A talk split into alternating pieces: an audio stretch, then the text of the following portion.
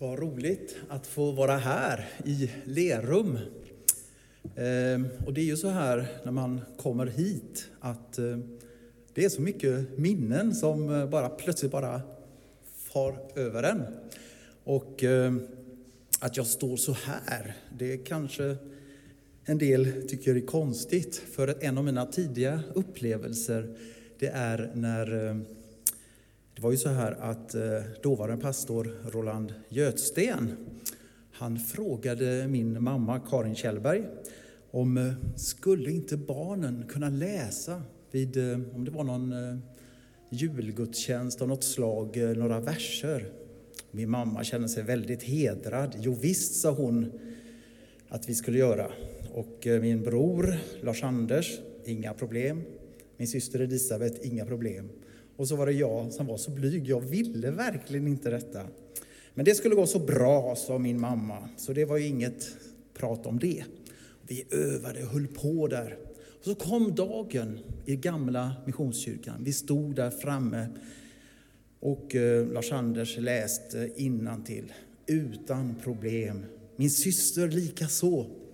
Och så var det min tur.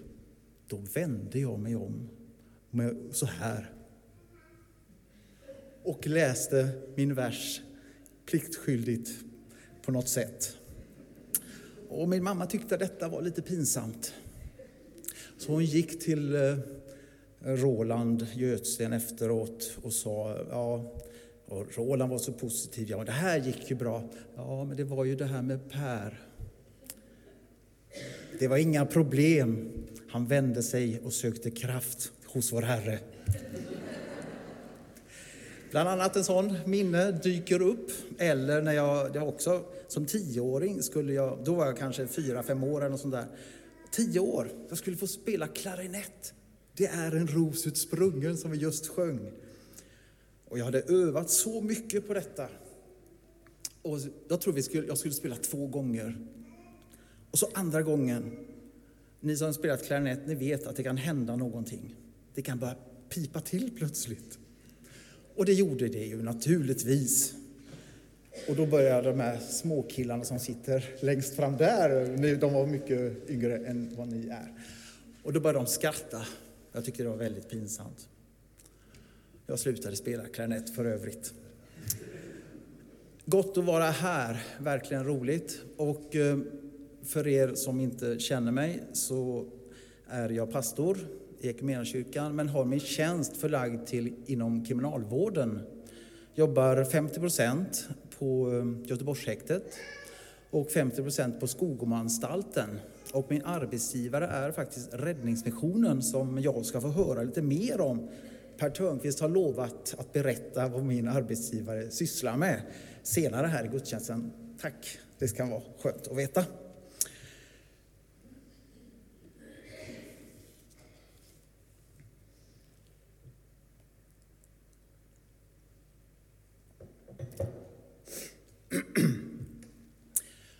Och ljuset lyser i mörkret. Och mörkret har inte övervunnit det. Och ljuset lyser i mörkret. Och mörkret har inte övervunnit det. Temat idag är Herrens moder. Det låter så stort och så heligt. Men eh, jag tänker en utsatt kvinna. Och lägg där till Elisabet, som vi hörde om i dagens text. Så möter vi två kvinnor i en oerhört utsatta situationer. Jag tänker Maria. Det var ju inte riktigt så det var tänkt när hon trolovades med Josef att bli barn innan de var gifta. Och det är lite oklart vem som är fadern. Det är skandal. Det är skamligt. Vad ska människor tänka nu? Och vad ska de göra? Jag tänker på hederskultur. Är det så att de kommer att stena Maria till döds? Maria ligger faktiskt riktigt illa till.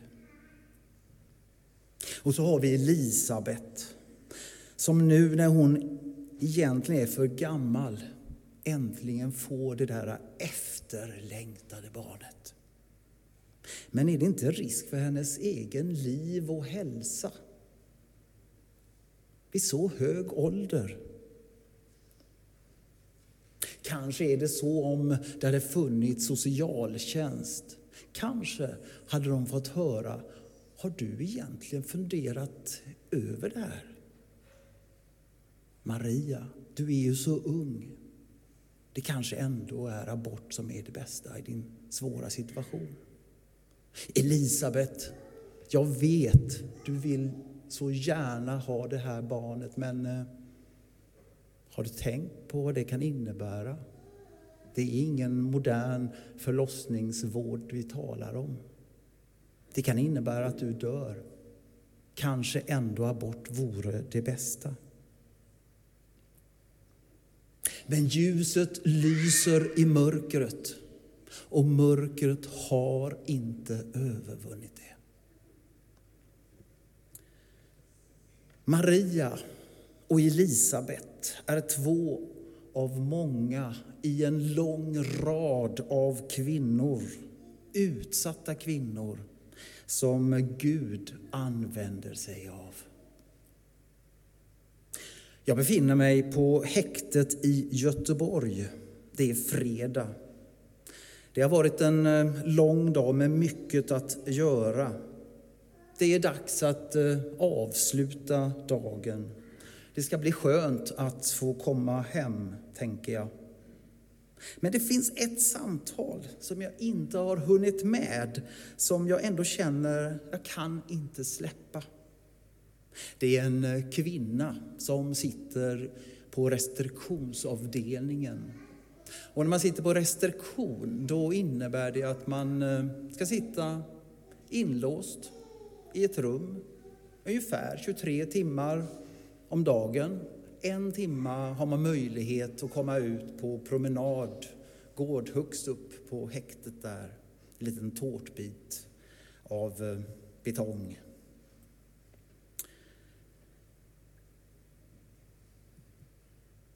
Jag bestämmer mig, jag får ändå gå dit.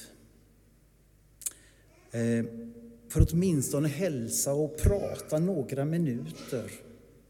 Bättre än inget, tänker jag. Även om det bara är en kort stund så har jag ändå bekräftat och sett henne den lilla stunden. Jag går dit.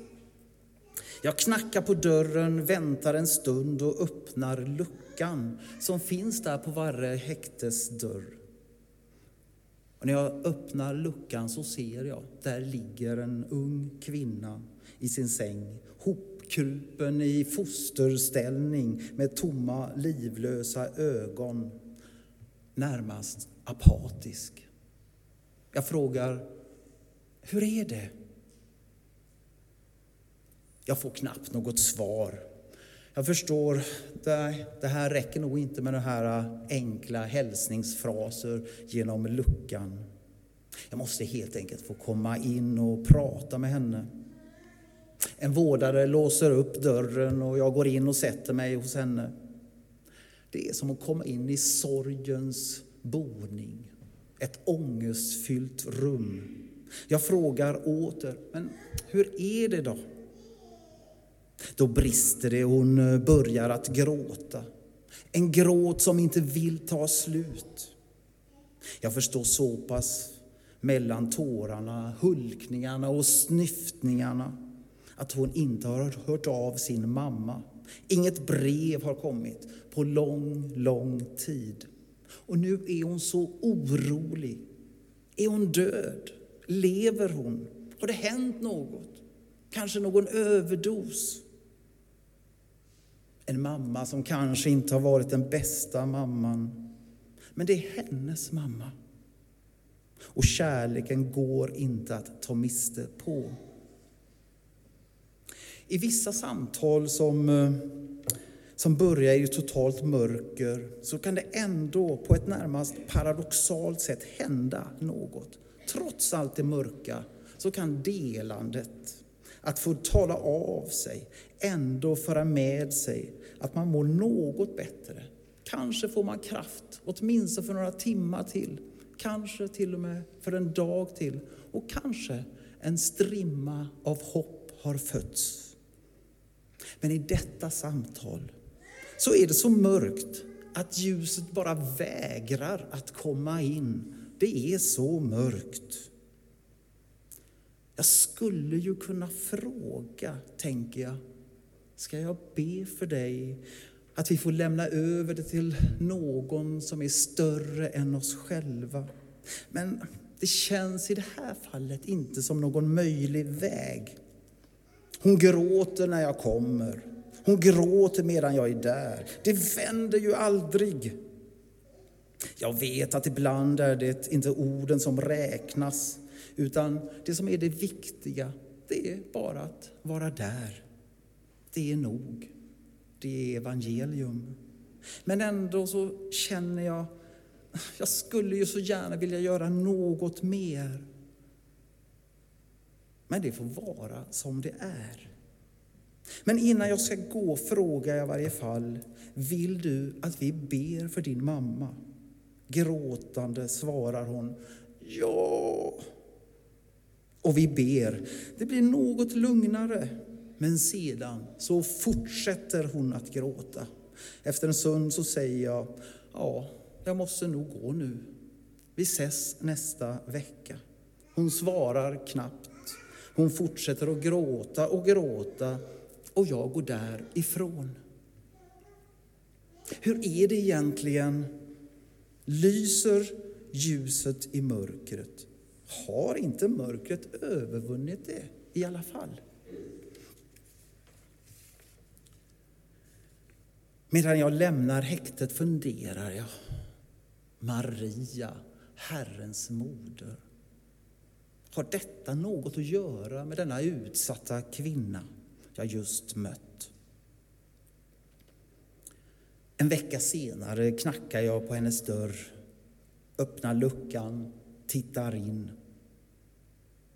Och då möter jag likt den där påsksalmen dina ögon är fyllda av glädje. Säg mig, vad har det sett för att få sådant ljus? Det är något som har hänt. Ett brev har kommit. Ett brev från mamma. Hon lever. Hon är vid liv. Dessutom får jag höra av domen hon väntade på. Det blev inte fängelse. Det blev istället omvandlat till behandlingshem. Hon säger, det blev precis som jag ville. Hon är så glad. Underskatta inte bönen. Underskatta inte Gud. För ibland blir vi överraskade av Gud.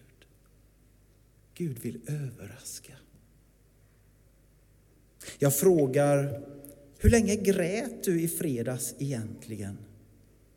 Jag grät i flera timmar. Tills jag bestämde mig för att nu slutar jag. Jag tänker, är det inte så att ibland måste det mörka få ta sin tid? Få verka igenom, få verka ut. Likt efter varje timmens mörker så kommer nog till sist morgonens ljus. Eller som jag läste av Margareta Melin. Min enda uppgift nu, att uthärda, överleva, att invänta gryningen. Jag tänker också på den där äh, älskade salmen som vi inte kan nog få nog av. Jag tror på en Gud som gråter med mig när jag gråter så allting är gråt. En tröstande Gud som väntar likt den, som väntar tills gråten gått åt. Och ljuset lyser i mörkret och mörkret har inte övervunnit det. Så måste det vara Kvinnans nyfunna tro på Jesus har stärkts. Tron har likt ett barn i magen sparkat till fylld av fröjd. Det är något på gång. Jag tänker att Gud låter det stora ske mitt i all utsatthet. Kanske är det ändå så att det är i mörkret som ljuset blir som synligast. Vi önskar verkligen inget mörker i våra liv. Men ljuset blir tydligast då. Så var inte rädd för mörkret, för Jesus finns där med dig.